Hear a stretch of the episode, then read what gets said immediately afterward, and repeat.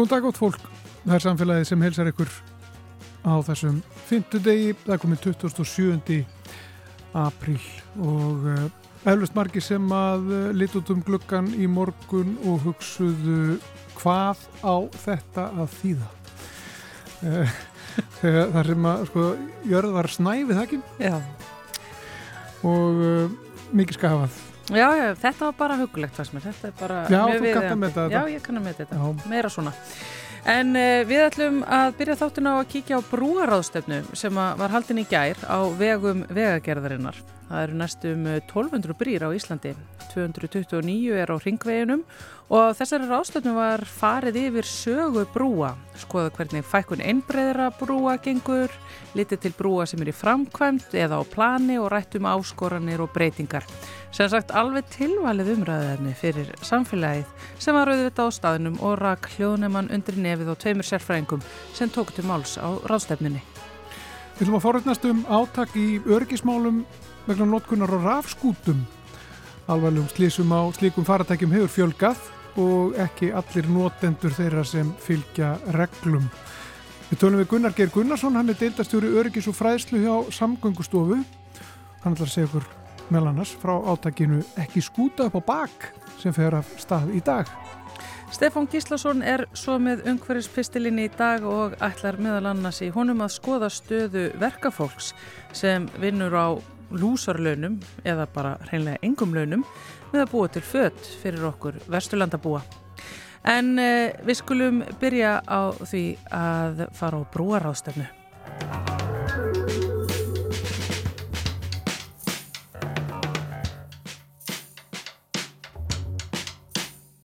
Ég er komið hingað á Hótel Reykjavík Grand til þess að vera á ráðstefnu vegagerðarinnar sem er sérstaklega áhugaverð og hæfir eh, samfélaginu mjög vel.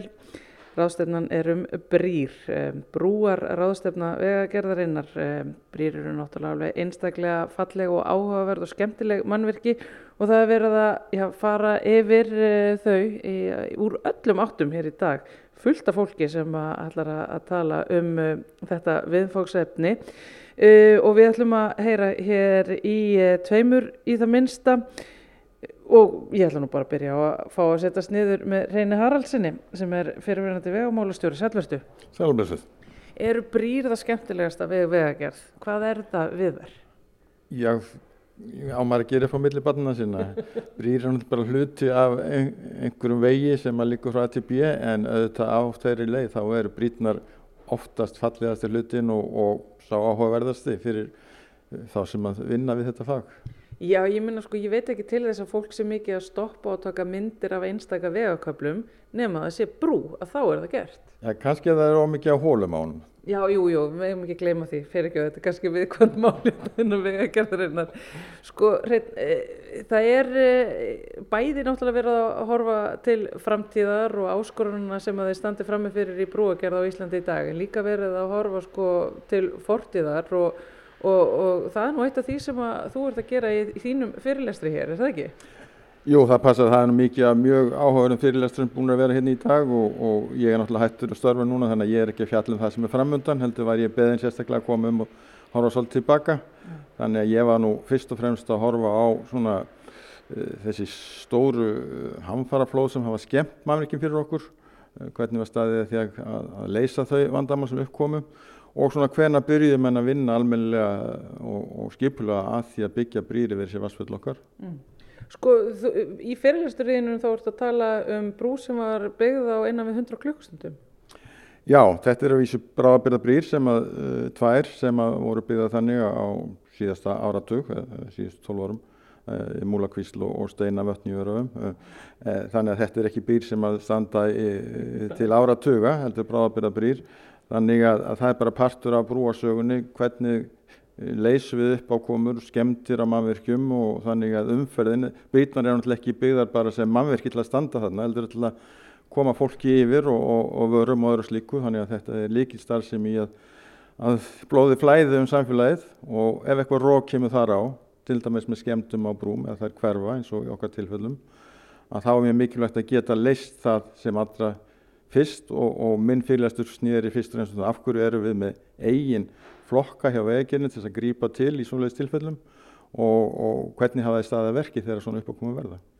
Sko, ég myndi segja að þessi flokkur uh, fónu sé nú allir vegir færir ef hann er að gera heila brú á innan við 100 klukkutum. Já, já, það má alveg segja það. Þetta er enda tveir flokkar sem búið að reyka núna í, tölvast langan tíma hjá veikirni. Áður fyrir voru þeir miklu fleiri en, en þessi tveir eru ennþá starfandi, annar er í Vík og, og hinn á Kvamstanga. Þetta er ekki stóri flokkar, þetta er Þetta eru innan við tíu manns í hverjum flokki en þeir eru sérhæðir og, og hafa mikla þekkingu og umsum uppákomum. Eh, þeir eru í dag brúofinnflokka en ekki að byggja þessa stóru brýr sem er í fjölmiðlum ekki á, á nýju brún á Ölfusá eða, eða, eða Jökulsá og Sólemarsand og svo framvegis. En það eru fullt af verktökum í dag sem byggja þessa flottu brýr fyrir okkur. En, en ég var samt fyrst og fremst að líta tilbaka svona hundra áraður umlega það. Hvernig, hvernig stóðum menn allir þessu sínu tíma? Okkur var mann að setja á lagirna sérstaklega flokka til þess að byggja brýr og, og að ríki skildi reka þessa flokka. Ég, ég meina, var bara ekki full þörf á því? Algjörlega sko, það var þannig í kringu 1900 ára tíun og það er í kring, það var verið að byggja brýr meðal stórbrýr, nýju yfir alveg sá og þjósá og, og þá voru engi sérstakir flokkar í því að byggja brýr heldur, heldur tókum einstaklingar, smiðir og steinsmiðir að sér eftir útbóð, það er ekkert nýtt að þessi verk sé búin út, það var gert á, á 19. öldinni. Og þeir tóku að sér eitthvað ákveð verk og ríðið svo til sín menn úr sveitinni einhver staðar í kring og, og byggðu sína brú og síðan komu þeir kannski ekki aftur að brúabyggingu en þeir verður hann að breyting 1920 mjög afgerandi í hvað þetta varðar. Og það er þá sérhæfingin sem bara kemur að ljósa er mikil nöðsin að hafa? Já, það er þannig að það er sett sérstök brú á lög árið 1919 og þá gera mann sér langtímastefnu næstu 20-30 ár mjög merkilegt að það skilur að gert fyrir 100 árum svona langtímastefna í vegamálum eða í samgöngumálum og þá er ákveð að byggja svona 70 brýr næstu 20-30 árum. Og það var til þess að vegamálustjóra þenn tíma, það var alveg nýtt embætti 1919 hann fekk heimils að ráða, fastráða ássmiði til þess að vinna að brúarsmiði. Sérhæða menn sem voru sem með flokka á hverju ári söfnuðu mönnum sem fylgdi þeim áfrá ári frá einu verkefni til annars.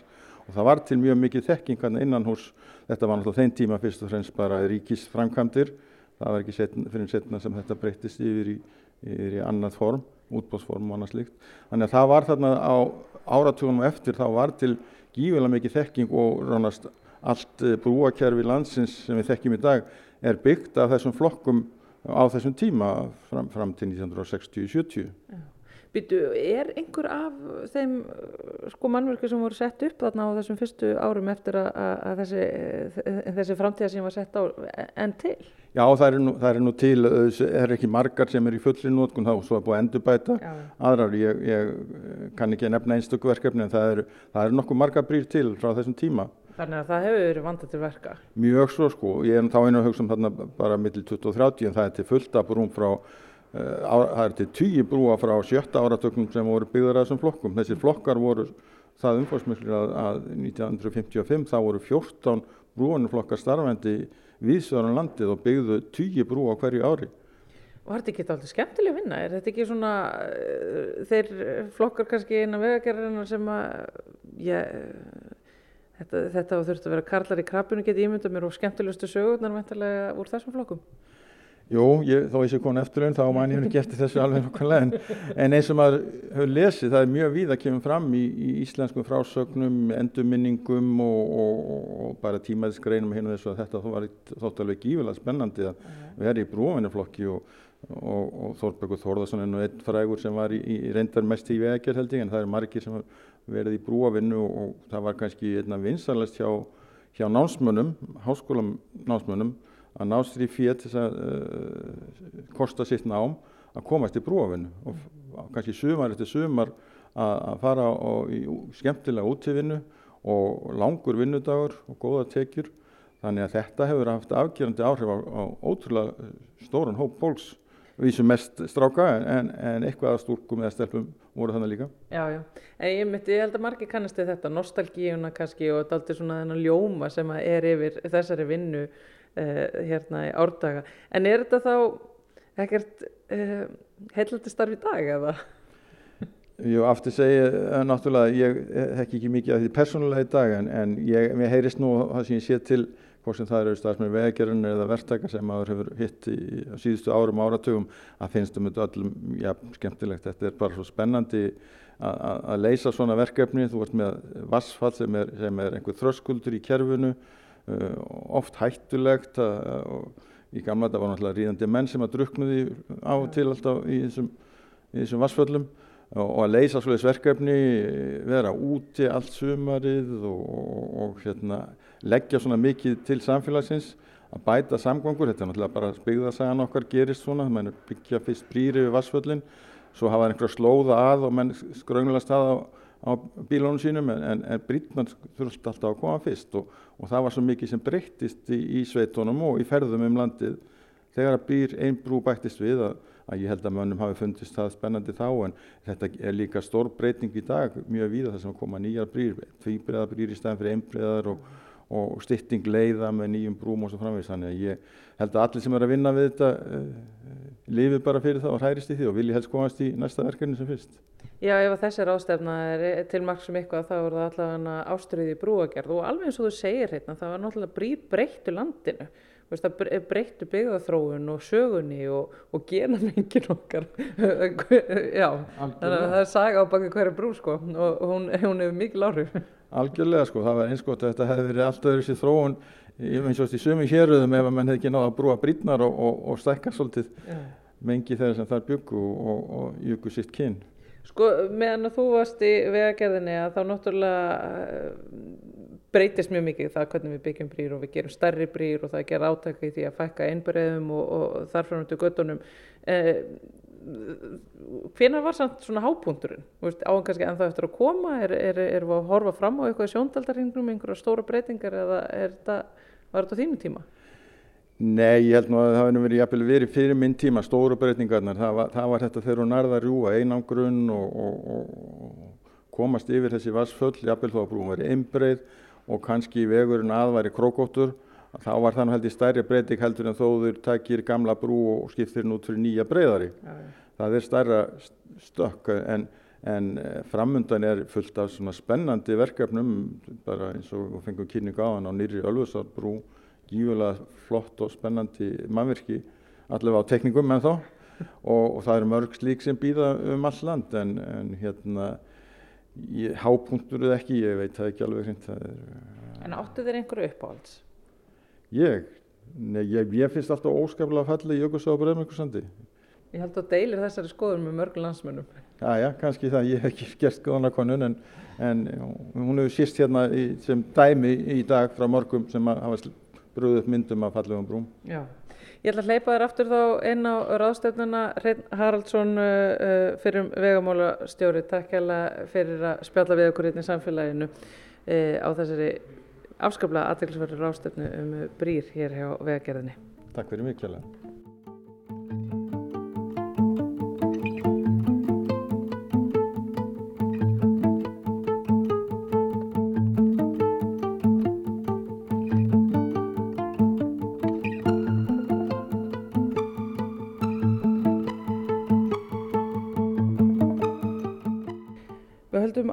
Hér á ráðstöfnu vegagerðarinnar um uh, brýr, brúar ráðstefna og uh, við ætlum að færa okkur yfir, já ef við vorum áðan í gamla tímanum, færum okkur yfir þá kannski í nýja tíman, það má eiginlega bara orða það þannig.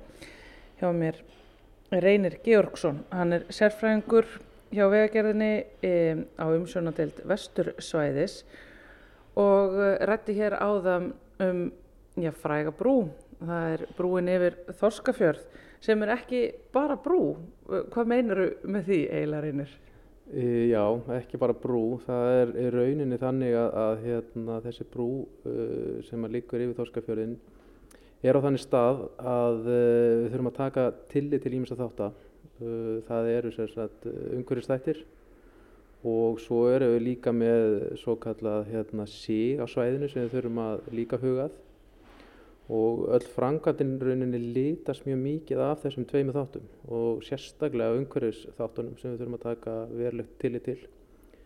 Uh, á þessu svæði erum við með svo kallan marhálm sem er grastegund sem vex á grunnsæfi og okkur ber að vernda þessa plöntutegund Uh, með, því, sagt, með þeim aðgjörum sem við gerum er að við sagt, uh, fyllum út í sjóin til háls í rauninni með sko, yfir fjörðin til háls í rauninni já og tryggjum þannig að til dæmis að flæði innfjörðamegin sé 100% í, í hérna, vasskiptum, með tildi vasskipta þetta er rauninni, þarna er rauninni að halda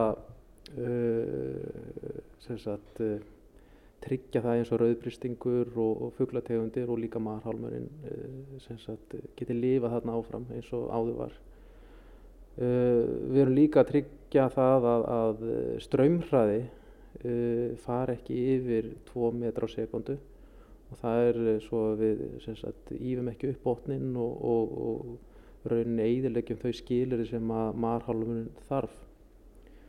Uh, næsturinn fasi, þetta við kallum þetta rauninni fasa 1 uh, fasa 2 er þá að þá erum við búin að steipa þessa brú í fyrsta áfanga og þá er það að móka þeim jarðefnum sem var sett á uh, byggingarstað brúarinnar að móka þetta brúni og það er jarðefni svo flutt yfir sem fyllingar í fasa 2 þannig að í rauninni byrjum við að, að fylla áfram vestur yfir fjörðin og á sama tíma móka undan brúnni. Og þetta er að samaskapi tryggt til þess að halda ströymhraða niðri og sem sagt tryggja, reyna að tryggja það að við höfum 100% vasskipti innan fjörðar. Hefur einhver tíman verið viðlíka tillit tekið til umhverfis og aðstæðina í brúarsmíði á Íslandi af því að það sem að þú ert að lýsa það er ekki beilinist bara verið að skuttla upp brú þar sem er best að setja hana? Uh, ég svo sem þekki það ekki en, en vegagerðin er alltaf að reyna að gera sitt besta og við erum alltaf að læra að gera betur og betur og betur. Þannig að, að ég, ég tel okkur hafa uh, sagt, alltaf verið að reyna að taka tillit. En það er alveg ljóst að, að umhverfismál eru alltaf að fara framar og framar hjá okkur.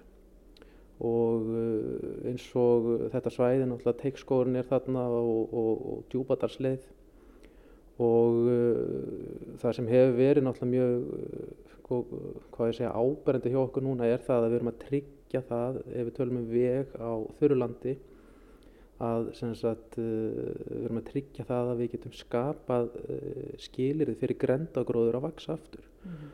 og eins og í þessum verkefni ég er umsjónamaður á verkefni á sunnanverðu vestjörðum og þetta er allt unni mjög þétt með umhverjastofnun náttúrstofu vestjörða og þannig að þetta er ekki rauninni sko, þetta er ekki einsmanns hönnun uh, hvorki einsmannsverkað eða einsmanns hönnun þetta er uh, alveg þverfælegur hópur sem að hittist og við erum í miklu samskiptum í rauninni og förum saman yfir það hvernig er best að, að hérna, ganga frá landinu þannig að sómi sér að. Mm -hmm.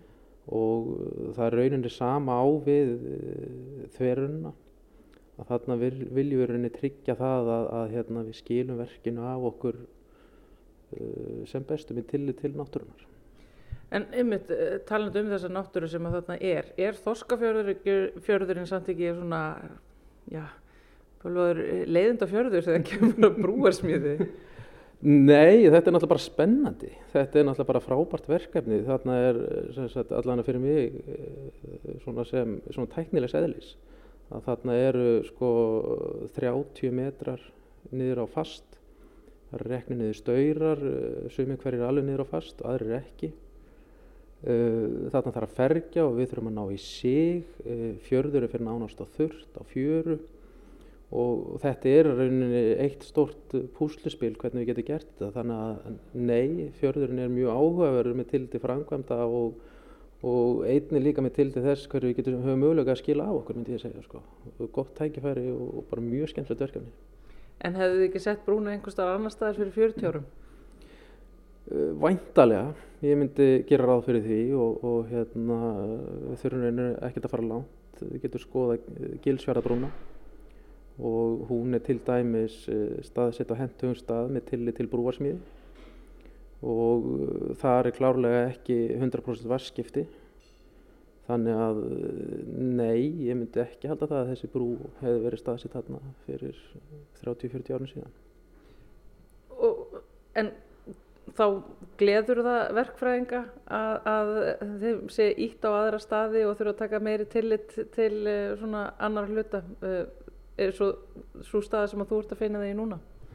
Alveg klárlega, þetta gerir starfi miklu fjölbreytilega og, og skemmtilegra. Það eru rauninu fleiri vandamál sem þarf að, að hérna, leysa og þetta verður líka skemmtilegra. Það er rosa gaman að vinna með svona þverfælegum hóp.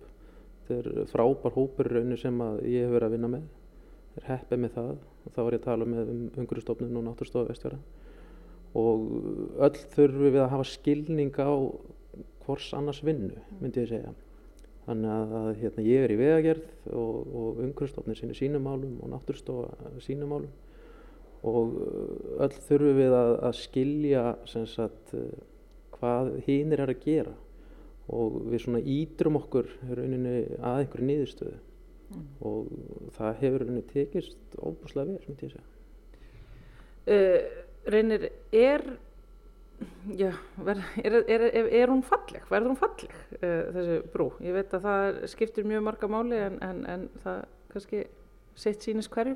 Já, nákvæmlega. Uh, sko, það er náttúrulega fegurinn er í, hvað maður segja, augum þessum horfir en uh, til dæmis ef fólk skoðar brúastöflana þá erum við með sagt, rúna brúastöfla og, og það hefði mátt sem sagt hanna þá öðruvísi sem þar að segja að þeir hefði getið verið ódýrari í, í hönnun jafnvel. En, en uh, það er það ekki og við fáum fallegri brú uh, vegna þessa meðal annars. Og það náttúrulega hefur líka svo sem ströymfræðilega funksjón að gera það svona. Uh, brúin hún er með radjus þar að segja og horfur á hún ofanfrá þá er hún með radjus og það er beigja falleg beigja á henni. Hún er líka tiltvöla lárist þannig að ef þú ert í botni fjörðarins þá uh, raunin byrstist hún sem lína bara þunn lína. Mér þykir þetta afskaplega fallit mannverki og hérna er raunin alveg stoltar af því að fá að taka þátt í þessu.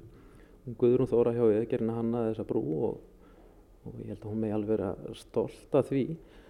Um, það var einmitt hérna, fyrirlustur hérna á brúarástöfnu um arkitektúr uh, og brúar mannverkja gerð í rauninni og alveg magnaði fyrirlestur sem sýnir rauninni sko, hvað brýr uh, rauninni eru þýðingamiklar og, og sko, sterkar, svona sterk monument á þeim stað sem það sem vel höfð tiltekist og bara svona nefni eins og hérna það er fræg brú í Nóri, Bogabrú sem að sem að margir kveikið um leiði að segja þetta sko. Og hérna þannig að sko fallega og vel hönnu brú það er það er mjög flott. Augna indi vissulega og af því að þá einmitt að Þorskafjarabrúin já, er þá einhvers konar uh, líka merki um nýja tíma í brúasmíði á Íslandi uh, heldur að við eigum bara jafnvel eftir að ganga enn lengra það veri ennþá fleiri og flóknari verkefni fyrir ykkur verkræðingar að leysa í framtíðinu og er það vel? Sko ég held að við verðum alltaf að reyna að vera í takti við uh, hvað maður að segja þann tíma sem að lifi hverju, hverju sinni og það er náttúrulega alltaf einhverjar áherslur sem eru mismunandi á hverjum tíma myndi ég ætla. Uh, við reynum náttúrulega að vera undan uh, og hérna en það er alveg eins og ég sagði bara hérna áðan að umhverju smál uh, eru alltaf verða sagt, veiga meiri inn á veðgerðanar og stærri og stærri hluti og raunir lít ég ekki á það þannig að það þurfa sko framkvæmdi þurfa að vera dýrari fyrir vikið heldur sem sagt uh, myndi ég segja að sem sagt arðbærni verkefnis verði meiri því meiri sem við sitjum í umhverfismál alveg klárlega, sko þetta er bara svipað og örgismál, því meiri sem við sitjum í örgismál uh, því meira færði tilbaka af, af hvað sé ánæri starfsmönnum og öðru slíku. Og ég held bara svona sem samfélag að, að, að tryggja það að við skilum að okkur fallu verki þá það er bara allt annað mál heldur en að fá einhverja yðnaðvæta brú eða yðnaðvætan veg sem er ekki fallegur í sínu umhverfi. En það er erfitt að hanna svona. Það er það og, og þess vegna er mjög mikilvægt að, að það komi margir aðalar að eins og við gerum í þessu tilfelli Ég er allavega bara orðin spennt að fara að kera þarna yfir, yfir Þorskafjörðin. Laka til að gera það. Reynir Georgsson, sérfræðingur á umsvunatelt vestusvæðis hérna hjá vegagerðinni. Takk hérlega fyrir spjallið og ég ætla að senda það aftur inn á ráðstöfnuna hjá ykkur. Alls spennandi ráðstöfna sem við í samfélaginu höfum verið að kíkja hérna inn á byggjum brýr brúar ráðstöfna vegagerðarinnar. Látum þessu lokið hérðan.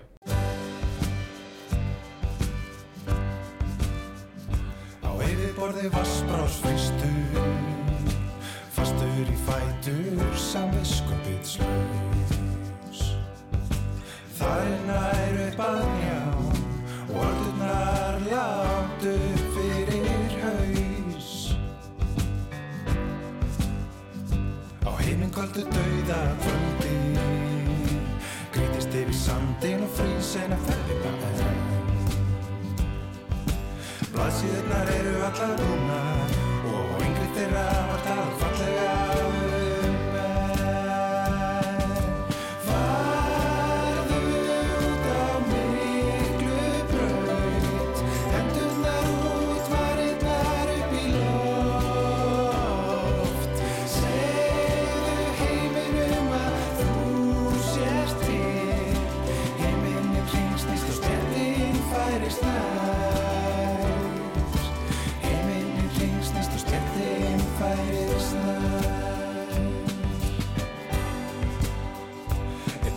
að glukkin er fastur.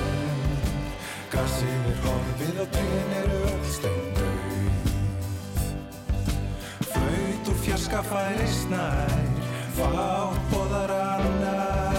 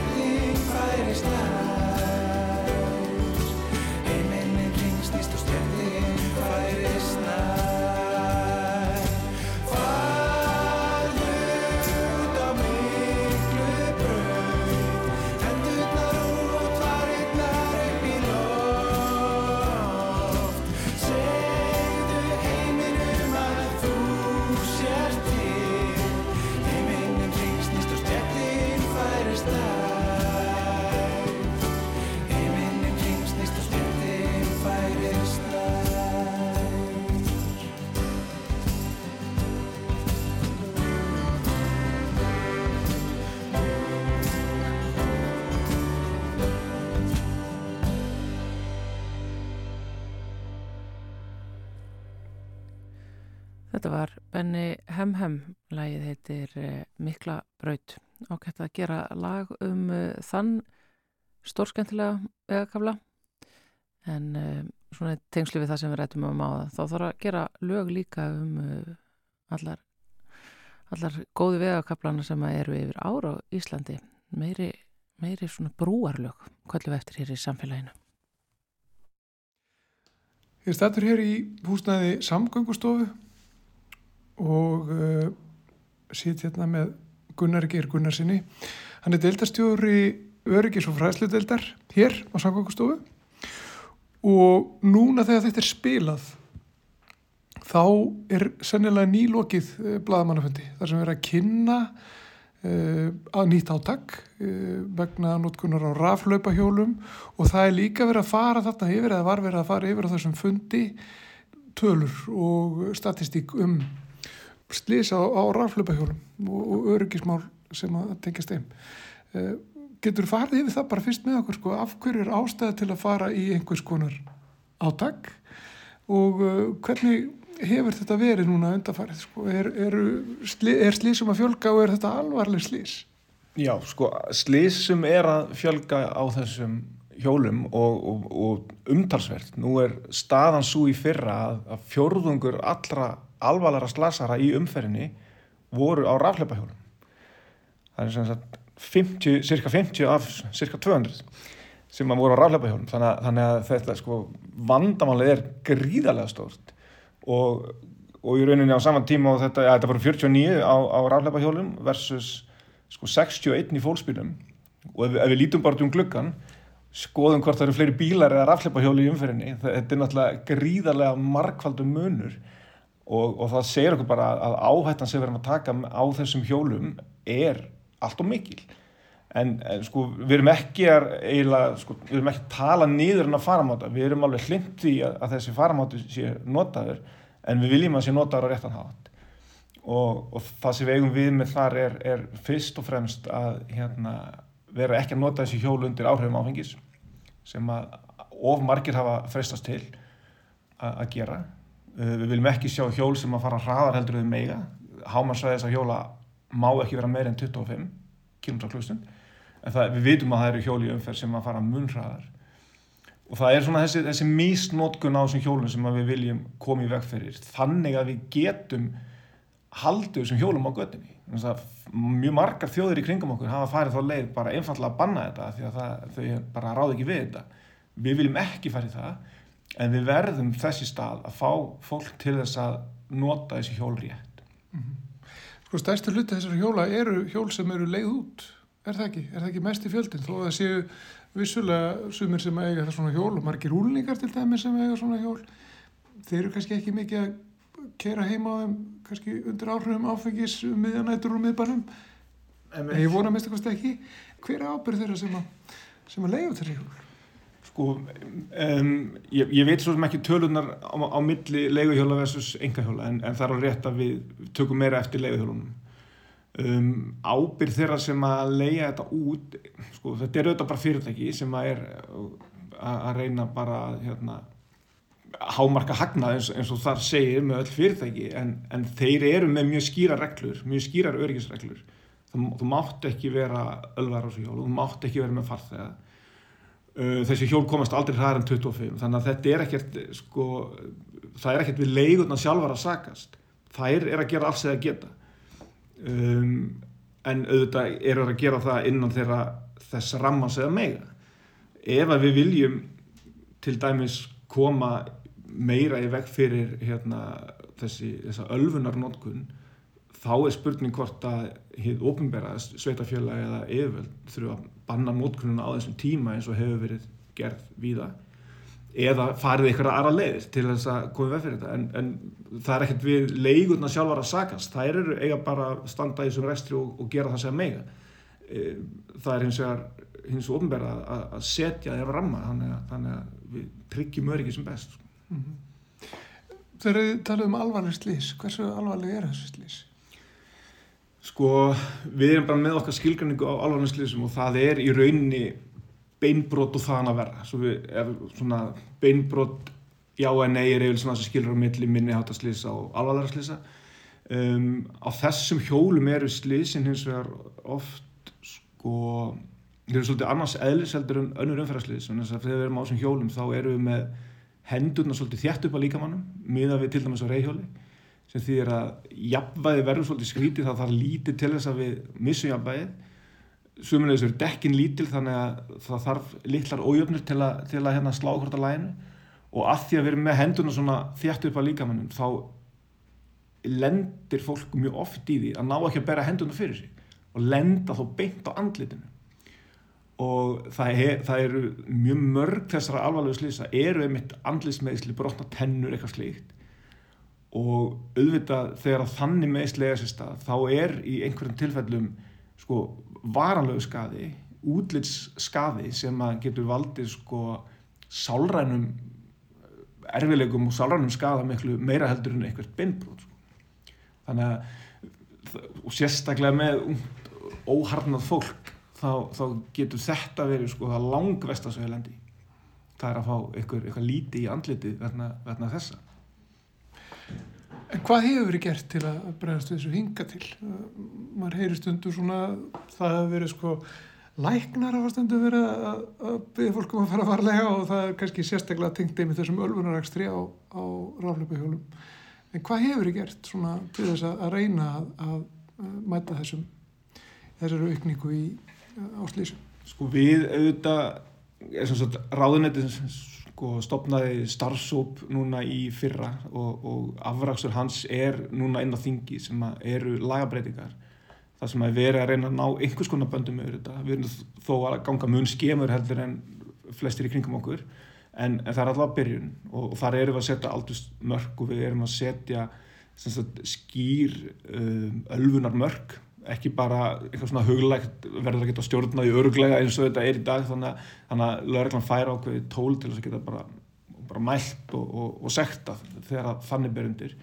Um, og síðan erum við að fara í þessa herfen núna sem að byrjar í dag en, en hinga til hefur við verið með fræðslu mynd þar sem við höfum að fara yfir öryggisadriði og, og reglur sem gilda og við höfum verið að sína það bara á samfélagsmiðlum og á rúf í svona sem uppfyllingarefni en, en núna er svona kannski fyrsta stóra skrifið okkar megin í forvörnum og, og þá erum við að benda á um, þessa misnótkun á þessum hjólun sem við viljum komið vekk fyrir. Vi, við erum ekki að tala niður hjólun sjálf heldur erum við að reyna að fá fólk til að nota það rétt. Já, og segð okkur aðeins betur frá, frá þessari þessu átaki sem er núna bara að fara í gang, er það ekki bara í dag? Jú, bara við byrjum bara, við vorum með blagamann fund núna í hátdeinu og, og, og settum hann bara í lofti beint í kjálfæri. Um, þetta eru teiknaðar myndir, animeraðar auðlýsingar og um er að ræða egg, þetta er eins og karatera sem eru egg og þessi karakterar, þessir eggja karakterar þeir, þeir nota þessi hjól ránt, þeir ímist motta þau þannig að þeir fari upp í 60, 70, 80 eins og við hefum séð.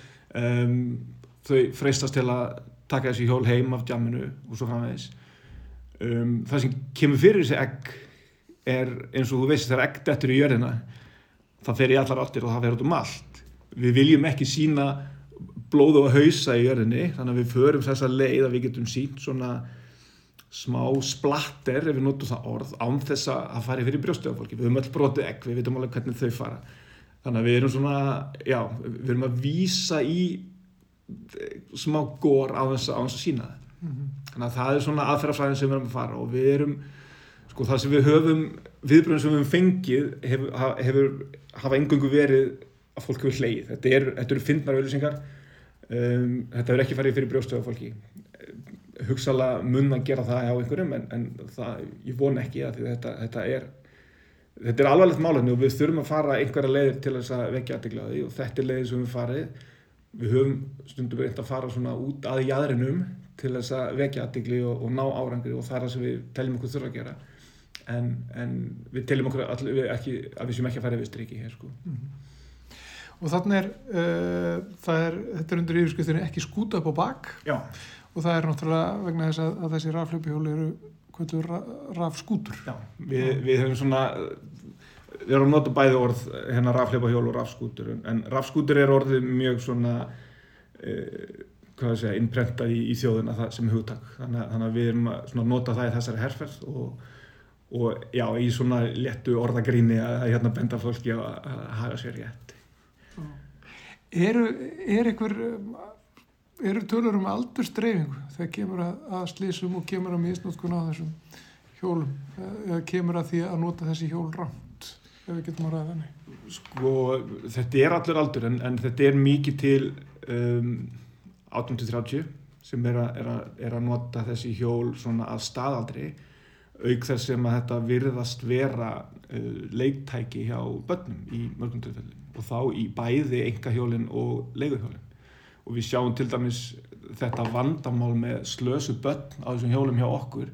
Þetta þekkist ekki til dæmis á Norrlöndum þar er þetta ekkert leiktæki og bara fóröldum dettir ekki huga að senda börnin sína á þessum hjól. Þar er þetta bara að nota sem samgöngumáti. Um, og vissulega er þetta með ölfunina stort vandamál þar líka. En, og það er svona líka ástæðan fyrir því að fólk hefur bara einfallega verið að setja þessu mikla takmarkanir annar staðar en aldursreifingin er, já, þetta er svolítið of mikið börn, myndi ég segja uh, en að öðru leiti er þetta mikið, mikið svona þetta tvítusaldri Já. Og núna getur fólk búist við því að rekast á þessar, þessar auglýsingar og, sem er tilherið þessari herrferð frá með deginum í dag og bara, er það bara á samfélagsmiðlum og þar sem að fólk er. Já, það er mitt. Við erum svona að reyna að vera bara að sé víðast. Þetta er á samfélagsmiðlum að þetta er á netinu, þetta verður á vefborðum og í sjónarspil og útvarspil þannig að þetta, þetta fekkast ekki, það verður ekki, ekki einn flugaldarsýning stafsi upp að það en þetta verður einn og einn flugaldur svona út, út í sömarið. Já. Og sömarið er náttúrulega tíminn sem að, að rafskútunar fara á gödunar eins og, eins og já, önnur, önnur svona letari faratæki. Nákvæmlega, það er nú þess að við erum að, að nota þetta, þennan tíma til að byrja þó að sé nú snjór úti akkurat núna mm -hmm. þá, þá, hérna, þá er þetta klárlega svona sumar verktíðin að byrja, má segja. Gátt ekki vel með þetta, eh, Gunnar Geir Gunnarsson, dildastjóri Öryggis og fræðslu dildar samgöngustofu. Takk fyrir þetta. Takk.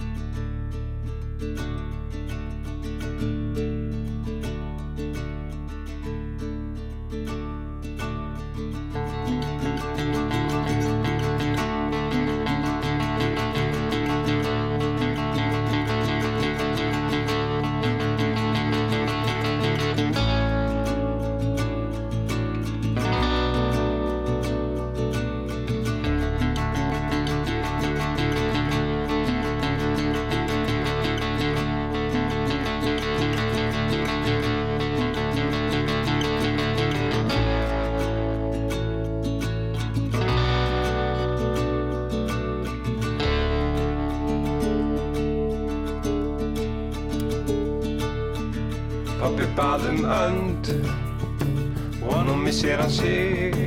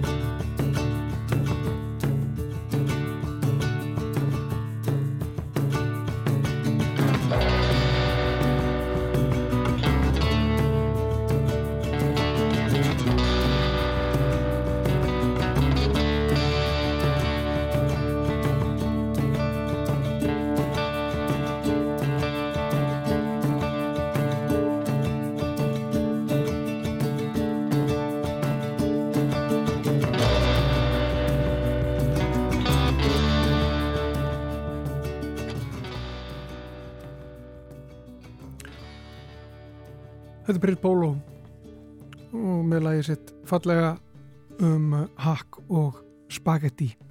Þetta er eitt fyndnasti texti sem ég hef heyrt. Þetta er náttúrulega bara einn af þessum frábæru, frábæru textum uh, Svavars Péturs. En uh, snjórin kom mörgum óvart. Já, ég var nú svo sem að segja, ég var ekki að búast við þessu þegar ég skildi grilli mitt eftir opið á pallinum hjá mér í, í, í gær. Nei, einmitt. En það fór sem fór. Já, við höfum séð myndir á samfélagsmiðlum líka og við höfum sko lesið, já, fyndna brandara um snúkumu og þessum ástíma. Já, margir Kanski líka. misfyndna en... Já, já, en, en, búið að eh, taka Gísla Marteit mjög mikið á Twitter og svona. Einmitt, en nú er sko, það var spurt á vísitavefnum fyrir löngu síðan, fyrir 23 ára síðan, var spurt af hverju snjórin hvítur? Og uh, svarið eftir Ara Ólafsson, dósend í eðlisfræði við Háskóli Íslands er svohljóðandi, sínaðið ljós spannar öldulengdarbili 400 til 700 nanometra. Og geislun á styrstu öldulengdunum skinnjum við sem blátt ljós, þá tekum við grænt og gult og á þeim, sem, á þeim lengstu sem rautt ljós. Blöndu af geislun á öllum öldulengdum í álíka styrk skinnju sem hvítljós og snjórið samsettur úr örsmáum ískristallum með fjölbreytta lögun hver stakur kristall er gegnsær en speiklar nokkur prósentum af þeirri ljósorku sem áan fellur líkt og gler. Hann drekkur sára lítið í sig af geislun þar sem kristallaldir snúa ymsa vegu dreifist þessi speiklun í allar áttir og þar sem ekki speiklast á fyrsta snjókotni sem geisli mætir speiklast á þeim næstu. Snjórin endurvarpar þessuna því sem næst allri geislun sem á hann fellur með dreifiðu endurkasti, óháð öldulengt og fær þess vegna kvíta áferð í dagspyrtu. Eftir að skikjatekur ber meira á bláa litnum en þeim rauða í þeirri byrtu sem eftir er, svo snjórin fær þá blári áferð í rökkrinu. Og undir ljósastöður með natrínperu sem lýsir með gulleitu ljósi dreifir snjórin því ljósi sem áfellur og verist við gulur. Jöklafarar og aðri sem er á ferð í sólskinn og snjó þurfa að verja sig sérstaklega gegn byrtu álægi frá snjónum vegna þess að hann endurkastar einmitt nær öllum geislum sem á hann falla. Og þegar snjórin bránar og verður að vökva kann okkur að verast undarlegt hvað verðum þetta kvíta. En þá hverfa kristallafletinir sem stóðu að markspekluninni sem dreifði ljósinu og í staðin endurkastast hluti ljósins á einfaldarhátt frá yfirborðið vassins og hinn hluti þess fyrir á jafn einfaldanhátt gegnum vatnið, kvítiliturinn hverfur. Það sama gerist ef snjórin þjappast nægilega saman til að mynda stærri ískristalla eins og sést í bláleitu stáli skriðjökla. Og þá veistu þetta, Þúrður. Já, þannig að þetta er ástæðan fyrir því að veist, þú ert, þú ert einmitt á Jökulsárlóni Mm. og þá er vatnið ein, ein, ein, ein, í einu lit e, ísin í öðru og síðan jökullin í fjarska En- liturinn. en- Þetta en- er allt sama, allt sami hluturinn. Já, eflust. Já. En þá má lesa um þetta betur á vísindavefnum eins og svo margt annað. Við höfum enn eftir að heyra pistil frá honum Stefánu Gíslasinni. Ef ekki að hlusta á hann. Setjum hann í gang. Í byrjun þessara viku, nánar tiltekki mánudaginn 24. apríl síðastliðin voru liðin tíu ár frá Rana Plaza slísin í Bangladesh. En þennan dag árið 2013 hrundi áttahæða verksmiðubygging í útæðri höfuborgarana Dakka þar sem þúsundi verkafólks unni við að framlega föt fyrir hinn ímsu tískumerki á Vesturlöndum. Þetta er mestaslið sem orði hefur í sögu fata eðinar í heiminum og reyndar eitt það stærsta í eðinsögunni allri. Í slísinu fórust hvorki fleirinni færri en 1138 manns og yfir 2500 slösuðust. Slísi í Rana Plaza var ekki fyrsta slísi sem reykja mátti til óviðunandi ástands bygginga og afleitra vinnu aðstæðana verkafólks í fataðinaði.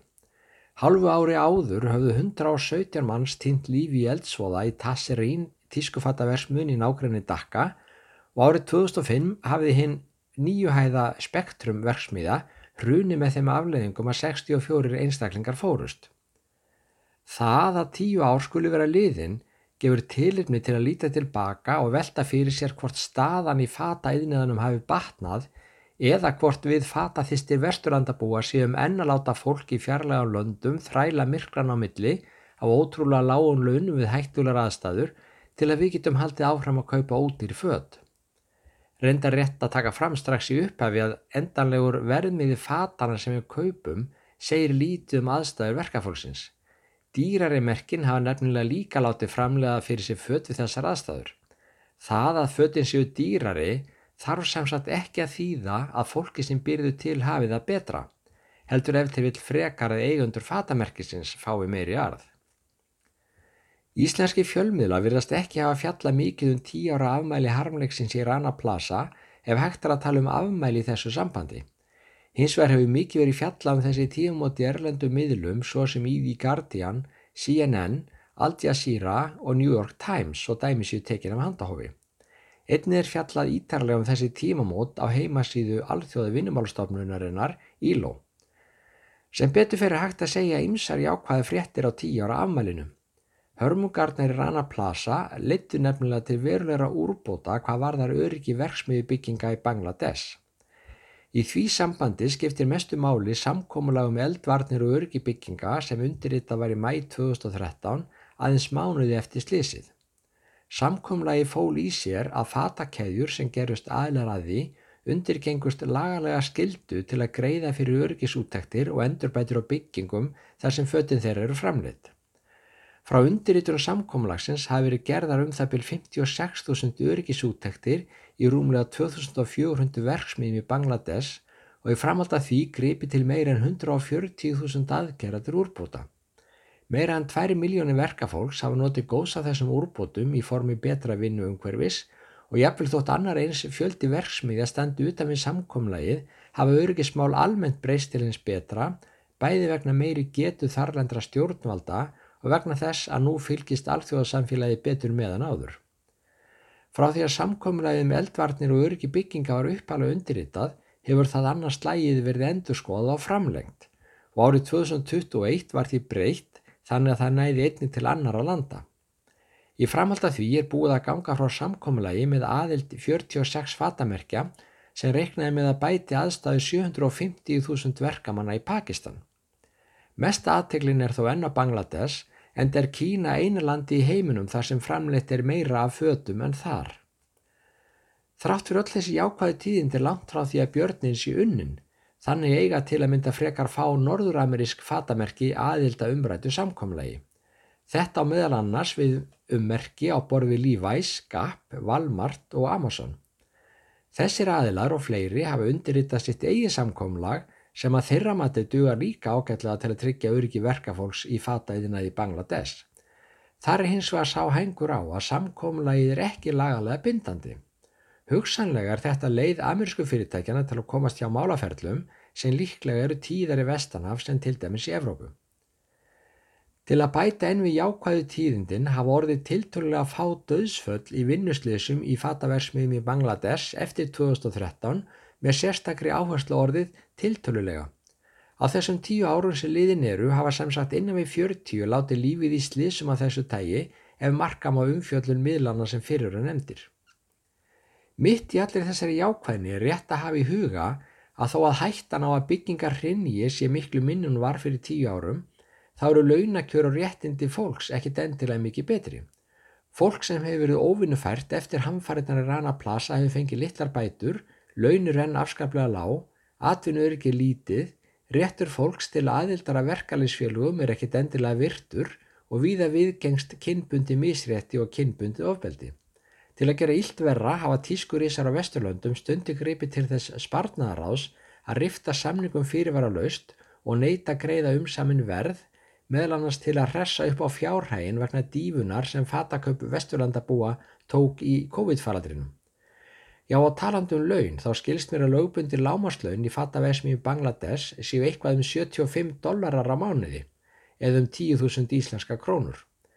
Reyndar ber heimildum ekki alveg saman um þetta og auðvitað er hálger markleisa að tala um laun á þess að nefna líka tölur um framfærslukostnað.